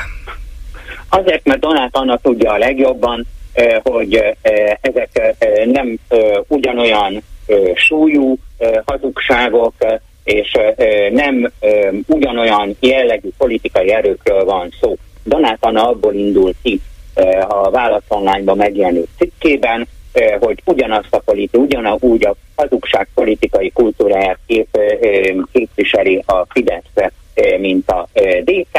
Az emberek fölteszik maguknak a kérdést, hogy nem fognak-e az ellenzékiek is ugyanúgy kormányozni, és az a véleménye, hogy eh, hát bizony, ahogy a DK kinéz, ugyanúgy kormányozna, ahogy a Fidesz. Na most Donát annak pontosan tudja, hogy ez nem így van, eh, Donát annak pontosan tisztában van a kettő közötti minőség különbséggel, és ez határozza meg az ő egész ellenzéki stratégiáját hosszú évek óta, ezért nem a fidesz hanem a DK-val, meg a többi ellenzéki párttal indult szövetségben a választásokon, és ezért kíván a további, a jövőben is megállapodni velük. Szóval ez a két dolog, ez igazságban, semmiképp sem fér össze az, hogy a Fidesz és a DK egyaránt a hazugság kultúráját képviseli, és a DK sem kormányozna másképp, mint a Fidesz, és az, hogy a nap végén meg kell egyeznünk, hogy az önkormányzati választásokon minden egy embernek kell állni a Fidesz jelöltjével, ahogy azt szépen elmondta a népszavában az interjújában. Ez a két dolog igazmondás keretében nem fér össze. De ha te azt mondod, hogy Donát Anna lényegében hazudik, amikor azt állítja, hogy, hogy eh, hazugságot nem lehet hazugsággal leváltani, és hogy a DK politikája lényegében egyfajta hazugságpolitika és hazug propaganda, akkor azt mondod, hogy lényegében minden politikus, még a demokratikus politikusok is rákényszerülnek valamilyen hazugságra. Mondjuk Donát Anna úgy gondolta, hogy ez neki és a pártja számára jó, hogyha hazugsággal vádolja a DK-t, rájuk ezt könnyebb ráhúzni, mint a Momentumra, és ebből a Momentumnak előnye származhat, de azzal együtt, hogy ő is tudja, hogy hazudik, és minden politikus bizonyos esetekben és bizonyos helyzetekben rá van erre kényszerítve, azért van egy minőségi különbség a között, amit a Fidesz csinál 13 éve, és a demokratikus ellenzéki pártok, beleértve a DK-t és a Momentumot? Hát hogy ne lenne? A hazugságok mennyisége, jellege, mélysége, összetettsége, az igen nagy mértékben különbözik, vannak bocsánatos és megbocsáthatatlan hazugságok, nehezebben és könnyebben megbocsáthatóak. A politikában sajnos nem lehet egyáltalában nem hazudni, hogyha mondjuk engem a pártom egy esélytelen körzetbe odaküld jelöltnek, mert oda én is jó vagyok és nem vagyok olyan fontos, és megkérdezi tőlem egy riporter, hogy hogy maga tényleg teljesen esélytelen magát veszíteni küldték ide, mert nem fontos a pártjának. Hát erre egy választási kampányban nem lehet azt mondani, amiről én is tudom, hogy igaz, de ez csak egy példa sajnos a, a politikában nem lehet egyáltalában nem hazudni, sőt az életben sem lehet, ezt igazából mindenki tudja, ha más nem, akkor kegyes hazugságok vannak, meg olyan praktikus hazugságok, amiknek nincs különösebb Ha, ha, megengedett, téged idézlek, szóval ha megengedett téged idézlek, mert nagyon jó két mondat ez, nem az a kérdés, hogy ki hazudik, mert mindenki. Az a kérdés, hogy a rendszerszerű, hálózattá összeszövődő, a társadalmat megvakító, monopóliumra jutó hazugságot kiképviseli, a hazugság lényegű birodalmat kiépítette ki Magyarországon. Ez pedig a Fidesz volt, és nem a DK. Hát igen, igen, pontosan erről van szó. Pontosan erről van szó a DK több és Gyurcsány Ferenc többet és nagyobbakat hazudik, mint amennyit kellett volna. Ennek súlyos ára volt, erről én is, más is írt már sokat, tehát hogyha Donát Anna azzal lép föl, hogy hogy ezt bírálja, az teljesen rendben van. A DK van mit bírálni, mondjuk, ahol nincs két pártrendszer, hogy az ellenzéki pártok egyike nem alakíthat egypárti árnyékkormány. Ezzel nagyon rossz helyzetben hozza a többieket, ez például egy súlyos hiba. Szóval sok mindent lehet mondani, abban is igaza van Donát Annának, hogy, hogy ez egy populista baromság, hogy a Dobrev kára emeli majd a béreket.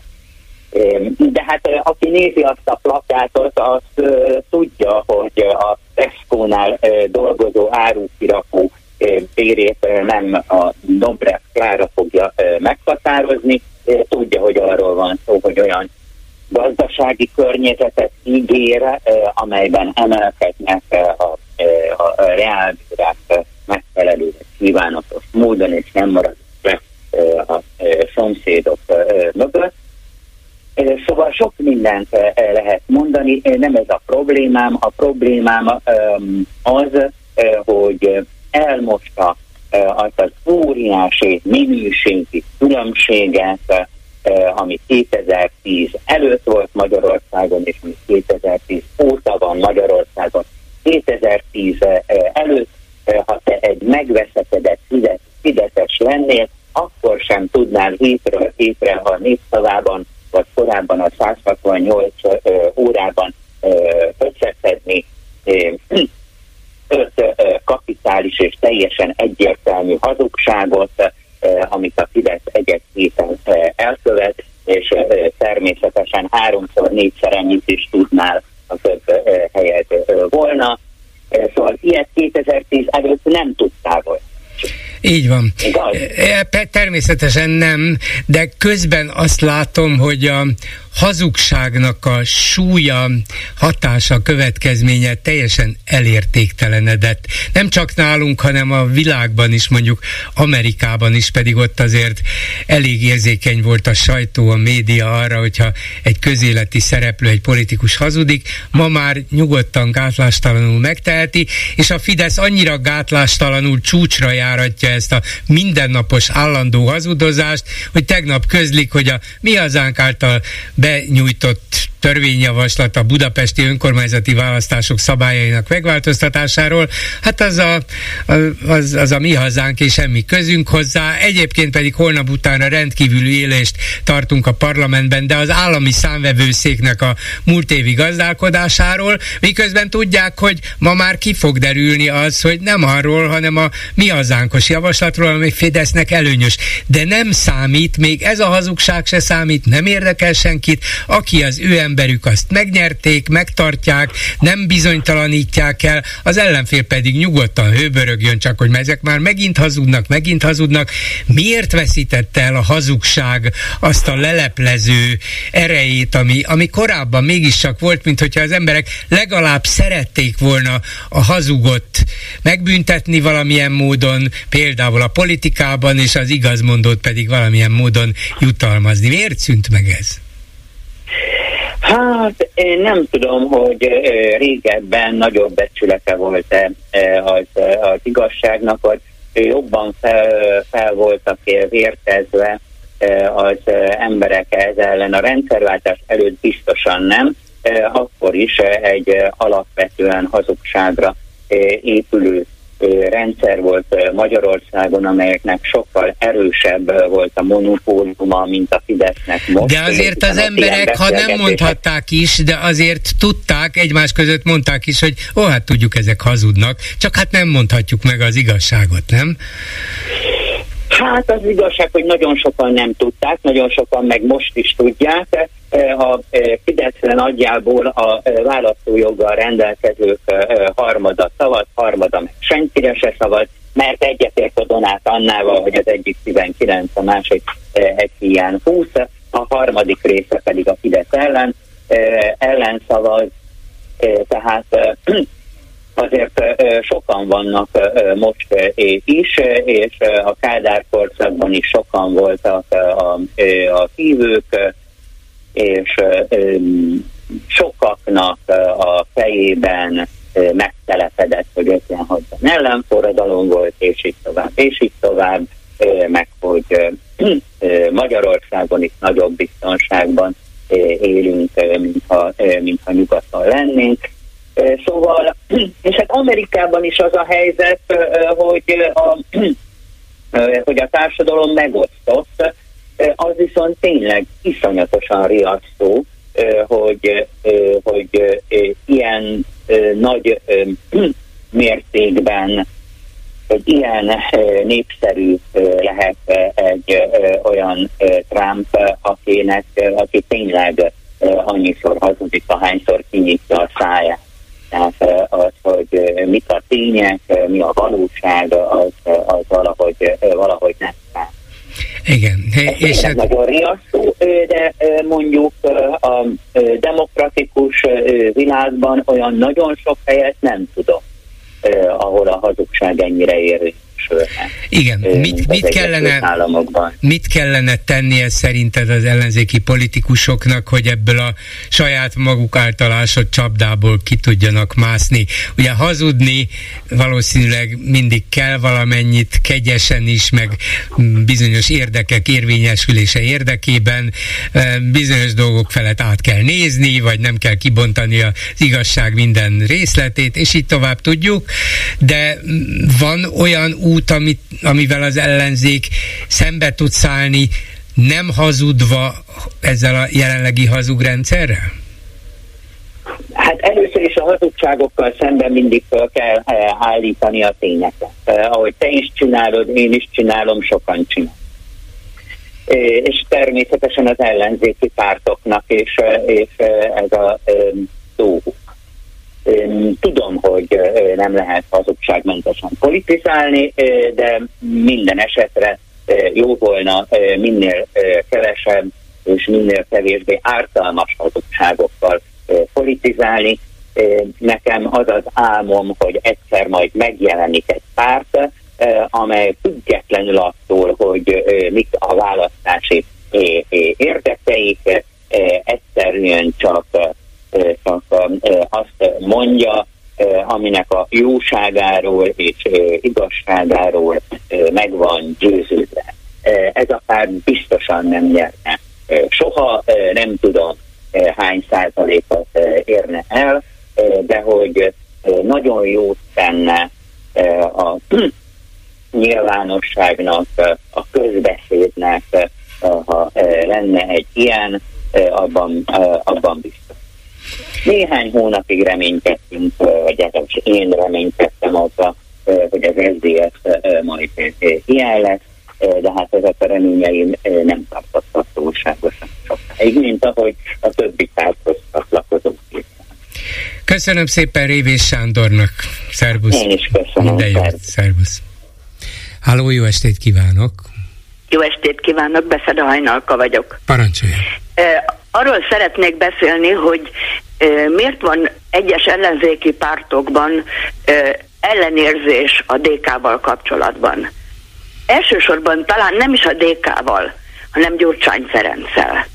És a feleségével, Dobrev Klárával, mert nem vagyunk róla meggyőződve, hogy Dobrev Klára önállóan dönt. Mhm. Mert azt nem is lehet, ha a családunkat vesszük figyelembe, akkor is sokszor tapasztaljuk, hogy mennyire befolyásolnak, vagy nem befolyásolnak a családunk tagjainak a véleménye. És hogyha Szerintem... nem Dobrev dönt, akkor, akkor már gyanús a dolog, hogy Gyurcsány van minden mögött? Igen, és, aha. igen, igen, és szerintem sokunknak ez a véleményünk. Na most a másik, szerintem Gyurcsány Ferencnek nem az volt a legnagyobb hibája, amit 2006 májusában mondott. Mert a saját frakcióját akarta megfegyelmezni, hogy ezt így tovább nem lehet csinálni. Rossz helyen mondta el, ezt nyilvánosan kellett volna elmondania. És még mondhatta volna azt is, és sokkal jobban elfogadták volna az emberek, hogy ha az országgyűlésben mondja el, hogy igen, nem mondtunk igazat, mert úgy gondoltuk, hogy meg tudjuk csinálni. Szerintem egyébként az utána következő politikájában volt a rettenetesen nagy hiba. Mert, mert össze-vissza kapkodott. Nem lehet másfél havonta valami új programmal előjönni, és valami egészen más csinálni. Uh-huh. És egyébként a 2008-as válság az világválság volt. Hát Abból hogy, Magyarország hogy... a picisége okán nem tudta kivonni magát. Persze, hát a, a német gazdaság is ugyanannyit esett vissza 6% körül, mint a magyar. Persze, persze. Tehát, de, de hát mostanában is azt rólják fel. Hát igen, 2009 egy fikarcnyiból nem volt könnyebb helyzetben, mint 2008. Igen. Tehát, tehát azon a két éven, aztán utólag, hát 700 milliárd dollárt fordított az Egyesült Államok a bankjai megmentésére. Pontosan, ugye állandóan azzal vádolja a Fidesz Gyurcsányt, a Gyurcsány kormányt, hogy csődbe vitte, vagy majd nem csődbe, hát ők a majd nem, mert már nem használják, hanem csődbe vitte az országot, de az, hogy az Egyesült Államok pénzügyi rendszere, bankrendszere majdnem teljes csődbe jutott, és akkor az egész világ bukott volna, ugye ez hajszálon múlt, és az de hát Amerik- ráadásul ilyen összeggel én, kellett megtámogatni persze, az Egyesült Államoknak van, tehát... a, a, a, a saját bankjait. van, az amerikai kormánynak az óriási segítsége nélkül nem lehetett volna megmenteni a pénzügyi igen, rendszer. Igen. Na most véleményem szerint, és talán nem csak az én véleményem ez, Gyurcsány Ferencnek vissza kellene vonulnia. És el kellene fogadnia azt, hogy vereséget szenvedett az az érzésem, hogy ő elégtételt szeretne. Hogy bebizonyítsa és bebizonyíthassa azt, hogy ő mégis milyen nagy politikus. Nem jó, hanem nagy. El tudom képzelni, ez, ez egy emberi tulajdonság, nem rendkívüli. Egyszerűen egy, egyszer el kell fogadni a vereséget. Kész. Hát igen, ebben van sok igazság, és sokan mondták is, hogy ez volna a Gyurcsány számára legjobb, legtisztességesebb, és az egész ellenzék számára legreménykeltőbb lépés, de ott van Gyurcsány, meg a pártja, és azt mondja, hogy látjátok, mindenki ütött vágott engem még a demokratikus ellenzéki oldalon is, aztán mégis az enyém a legnagyobb párt. Hát Igen. akkor talán mégsem bennem van a hiba. Igen, de hogy nem.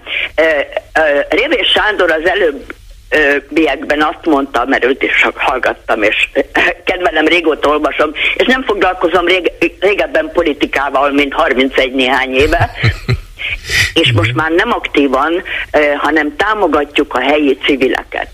De például a helyi civilek akkor, amikor a helyi DK-val folytattak koalíciós összefogástárgyalásokat, akkor nekünk egy olyan civil polgármester jelöltünk van, aki sikerre vitt egy helyi népszavazást. Két évvel ezelőtt és ez az egyetlen volt az országban. Ő hozott létre néhány hét alatt 14 ezer csatlakozóval Facebook csoportot, és gyűjtött össze három hét alatt 6 ezer népszavazást támogató ö, aláírást, amikor 4000 kellett volna, és három hét alatt a 6000 jött, 6500 jött, és a Covid miatt leállították, és meg is akarták semmisíteni.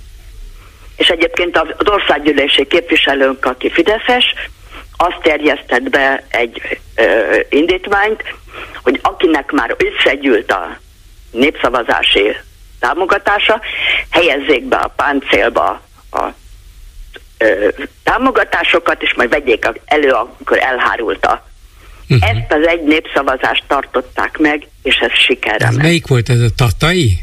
Igen, uh-huh. igen. Stop Avalon Tata. Igen, igen, igen, igen, igen. Híres lett egyébként a polgármester jelöltünk a Nagy Tabak Szövetségének tagja. Személyében. Uh-huh. Személyében kap ö, ö, konferenciákra meghívást, ö, keresik ö, ö, ö, fontos szervezetektől. Na most a DK egy olyan nőt szeretne behozni polgármesternek, jelöltnek, akinek a neve senki előtt nem ismert. Majd felépítik. Köszönjük. Uh-huh. A mi jelöltünk már fel van építve. És, és egyébként civil, civilekből áll a, a, az összes, nem le, lehet, hogy egy-egy helyet azt mondanánk, de a D, ja, és még valami, amit nagyon fontosnak tartok, ezt a vezérelvet. És a vezérelvet egy tragédiának tartom. Nem szabad senkit sem kritikátlanul elfogadni és követni.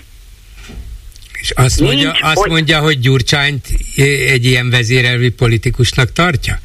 Mert Orbán az, az, az nem kétséges, és így is működteti a pártját is, meg az országot is, de Gyurcsány is ilyen, azon kívül, hogy persze nagy hatása van, és ő áll a pártja élén, nem tudom, hogy mennyire erős a Igen. befolyása, de biztos, hogy erős a párton belül. Igen, igen. De ö, úgy emlékszem, Révés Sándor mondta azt pár perccel ezelőtt, hogy na, de hülye vagyok, elfelejtettem.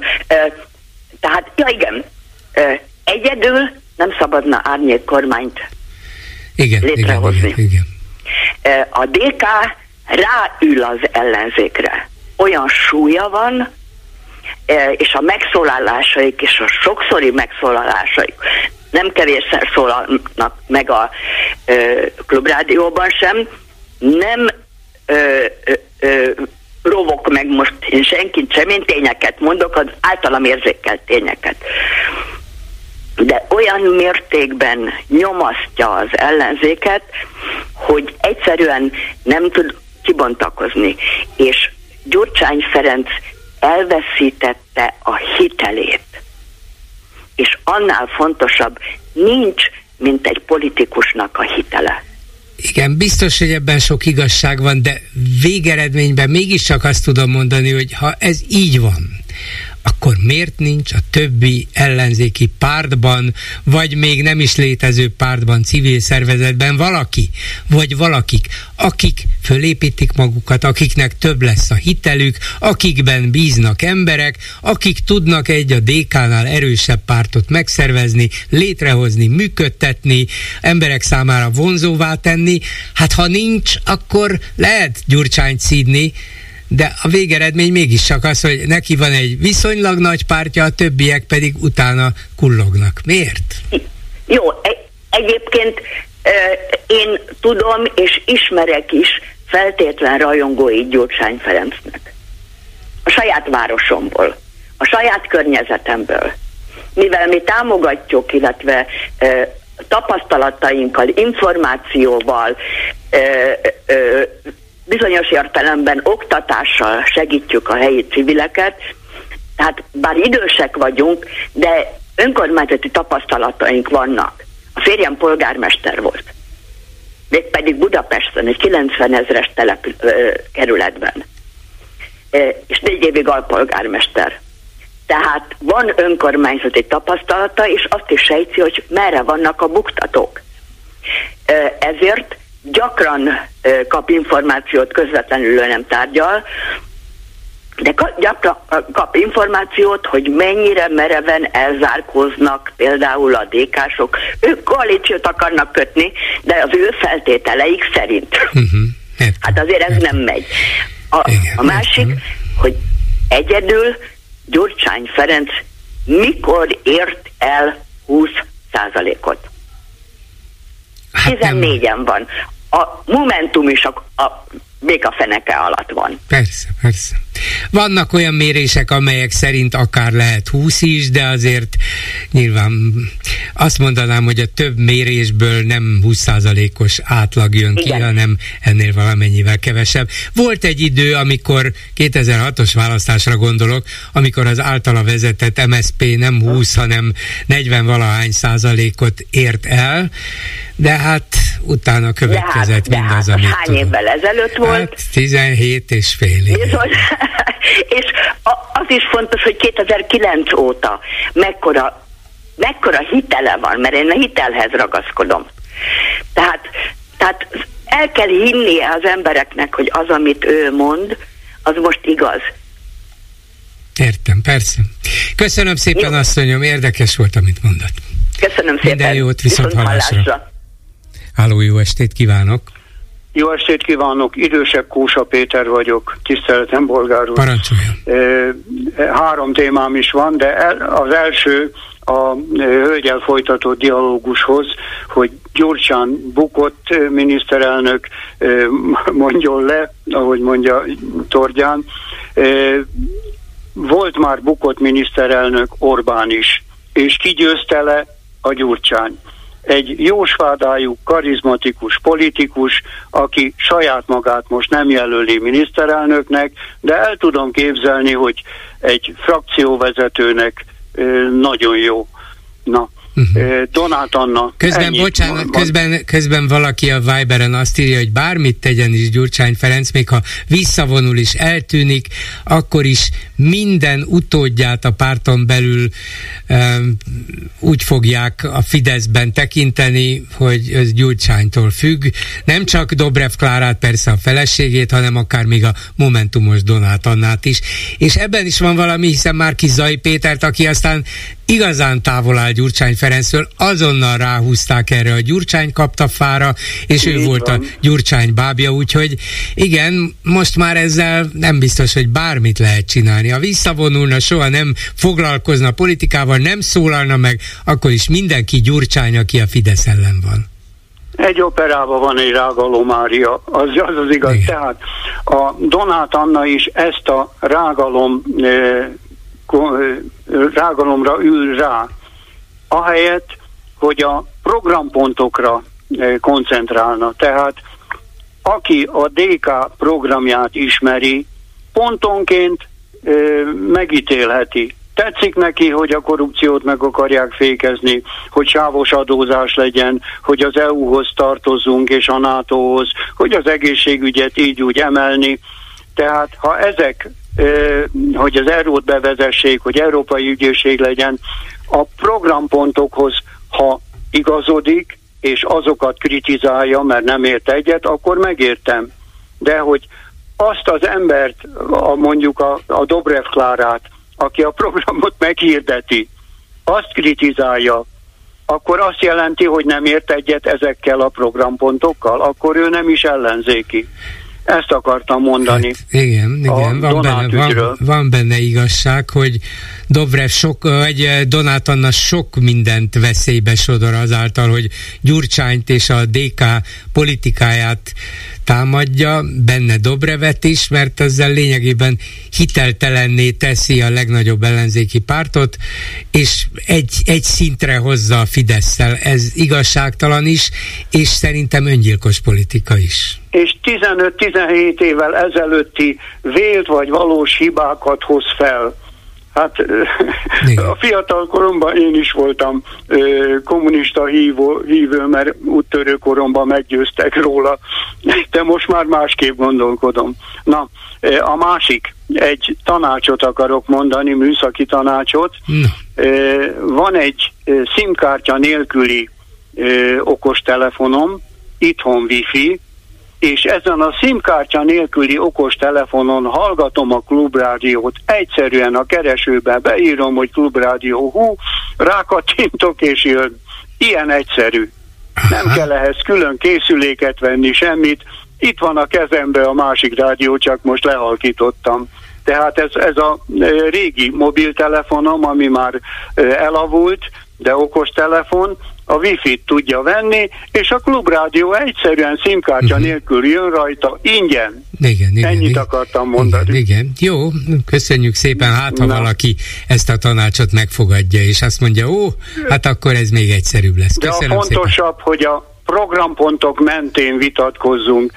Elfogadta a közvélemény azt is, amikor a Gyurcsány azt mondta, hogy folytatjuk és ezzel megnyerte a választást. Ez, ez így nem fair. Köszönöm, Na, szépen. köszönöm szépen. Viszont hallásra. Viszont. Háló, jó estét kívánok! Jó estét kívánok, bolgár úr, Kocsis Márta vagyok.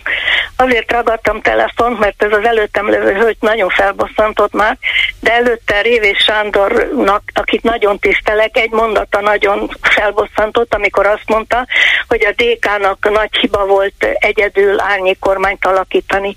Na most mindenki tudja, aki politikával foglalkozik, és ez már ezerszer elhangzott, hogy a, a Dobrev Kláráék több ellenzéki pártból hívtak embereket akkor ebbe a árnyékkormányba, akik el is fogadták. Utána másnap visszajelezték, hogy sajnos mégsem tudják elfogadni, mert a párt vezetősége letiltotta őket. ez nem egyszer, nem kétszer elhangzott, mégis az ön műsorában is százszor megismétlik ezt, és ön sem igazítja helyre őket, pedig ön valószínűleg tud erről. Igen, én tudok róla, de azért ez nem egészen ugyanaz. Tudnélik, ha DK valóban egy ellenzéki árnyékkormányt akart volna, akkor tárgyalásokat javasol, üljünk le, szerintem ennek volna értelme, minden párt adjon ilyen-olyan embereket erre, és arról is tárgyaljunk, hogy ez Dobrev Klára vezesse, vagy valaki más. De ők tudtommal megalapították úgy, hogy ez Dobrev Klára árnyékkormánya, szeretnénk, ha lenne benne MSZP, és szeretnénk, ha lenne benne Momentumos, lmp és a többi, és és így már senki nem akarta ezt elfogadni, mert akkor ők kénytelenek voltak, ne lettek volna hozzájárulni. Nem, nem, nem volt. tudom, hogy hogy volt, e- ez derült akkor ki elmondom, belőle. úgy Mondja. volt, hogy ők embereket megkérdeztek egyáltalán, hogy hajlandók lennének-e ebben részt venni. Igen, igen. Különböző szakpolitikusokat, igen, igen. akik igent mondtak, és másnap a pár, tehát nem jutottak el, hogy tárgyaljanak, ők csak egy, egy érdek előző megkeresés volt, hogy egyáltalán az illető, akire ők gondolnak, vállalja-e miután ők elmondták, hogy vállalják, de a pártvezetőség letiltotta, így már nem volt kivel, és nem volt miről tárgyalni. Igen, ebben igaza van, hogy ők embereket kerestek meg, de én azt mondom, hogy éppen ez volt a probléma, mert a többi ellenzéki párt vezetése úgy gondolta, hogy elszipkázzátok előlünk a legjobb embereinket, beviszitek őket, ha nem is a DK-ba, de a DK árnyék kormányába, hát ezzel mi gyengülünk meg az MSZP-ben, a Momentumban, Na, a hát az MSZP-nek már jobban nem kell Jó, ez egy másik kérdés, persze ne haragudjon, felnőtt emberekről van szó, senkit nem lehet elszipkázni. Ha önnek holnap azt mondják a Fideszbe,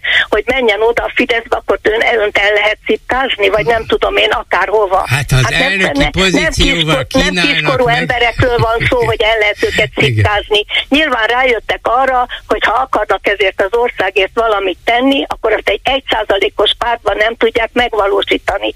Azért keresnek egy olyan pártot, akinek, akinek legalább van, mit tudom én, 12 vagy 20 százaléka, akinek hogy tetszik. De hát azért, azért ne haragudjon a világ, hát szóval azért a tények azok tények. És hát legalább ezt meg kéne mentek, említeni, hogy megpróbálkozott vele. Át is mentek sokan, vele. át is mentek sokan a DK-ba, ezt tudjuk. Persze. Igen, de nem azért, mert ugye a, a pont az ön műsorában mondta el a Kunhalmi Ágnes, hogy megvesztegették őket, meg megfenyegették őket. Hát ne haragudjon a világ ilyen rágalmakat szórni, szóval nem véletlen egy százalék az MSZP.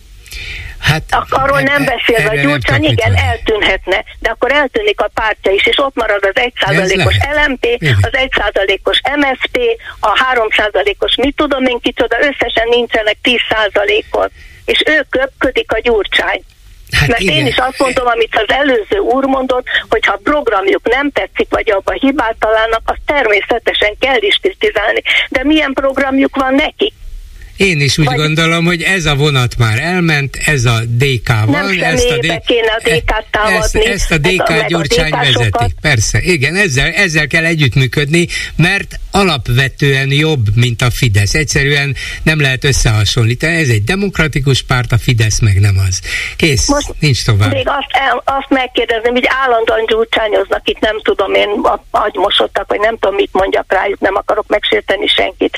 De a gyurcsány nem gazdagod nem a, a miniszterelnöksége alatt gazdagodott meg. A Gyurcsánynak se a lánya, se a fia, se a se testvére, se a nem tudom én kicsodája, nem lett kétszer gazdagabb, mint a néhai Erzsébet királynő, mint például Mészáros Lőrinc.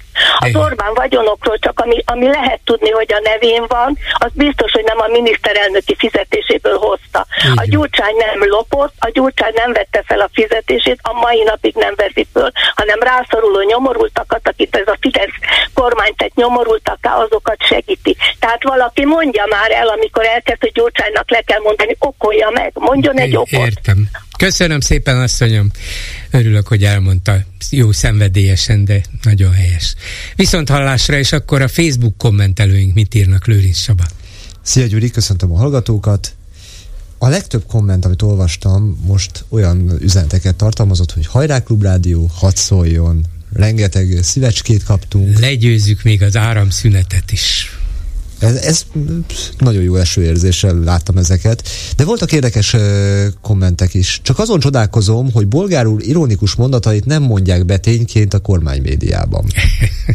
Igen, az a baj, hogy csak egy olyan jelzőt vesznek ki a szavaimból, ami esetleg úgy is értelmezhető, mintha a Katona József színházat kritizálnám, amelyik egy kiváló színház, szeretném hozzátenni, ezt is tessék holnap idézni, de, de amikor például valamit mondok Orbán Viktorra vagy a Fideszre, az valahogy nem kerül be. Miért? Nem tudom, egy másik kérdés felvetés szerintem ez se kerülne bele.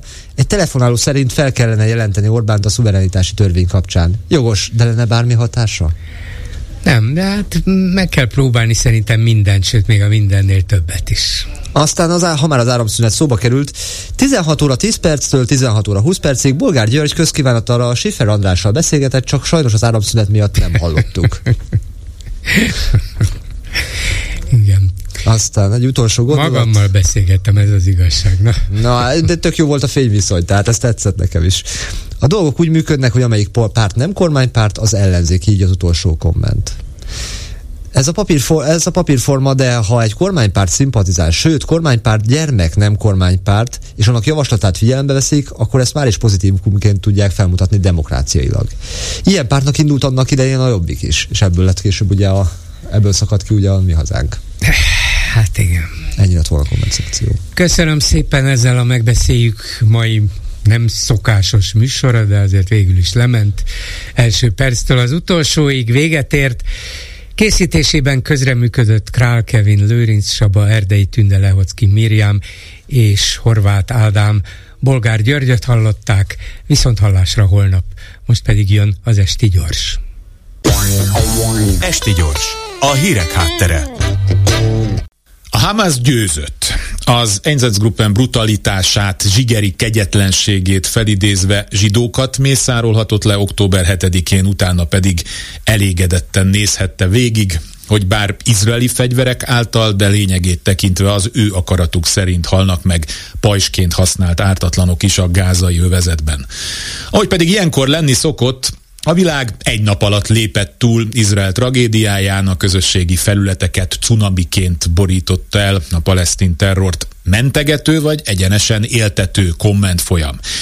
Ebben támogatást nyújtott az objektívnek hazudott világsajtó is, ami kontextusából kiragadva úgy tudósít a napi eseményekről, mintha az egész úgy kezdődött volna, hogy Izrael lőni kezdte Gázát.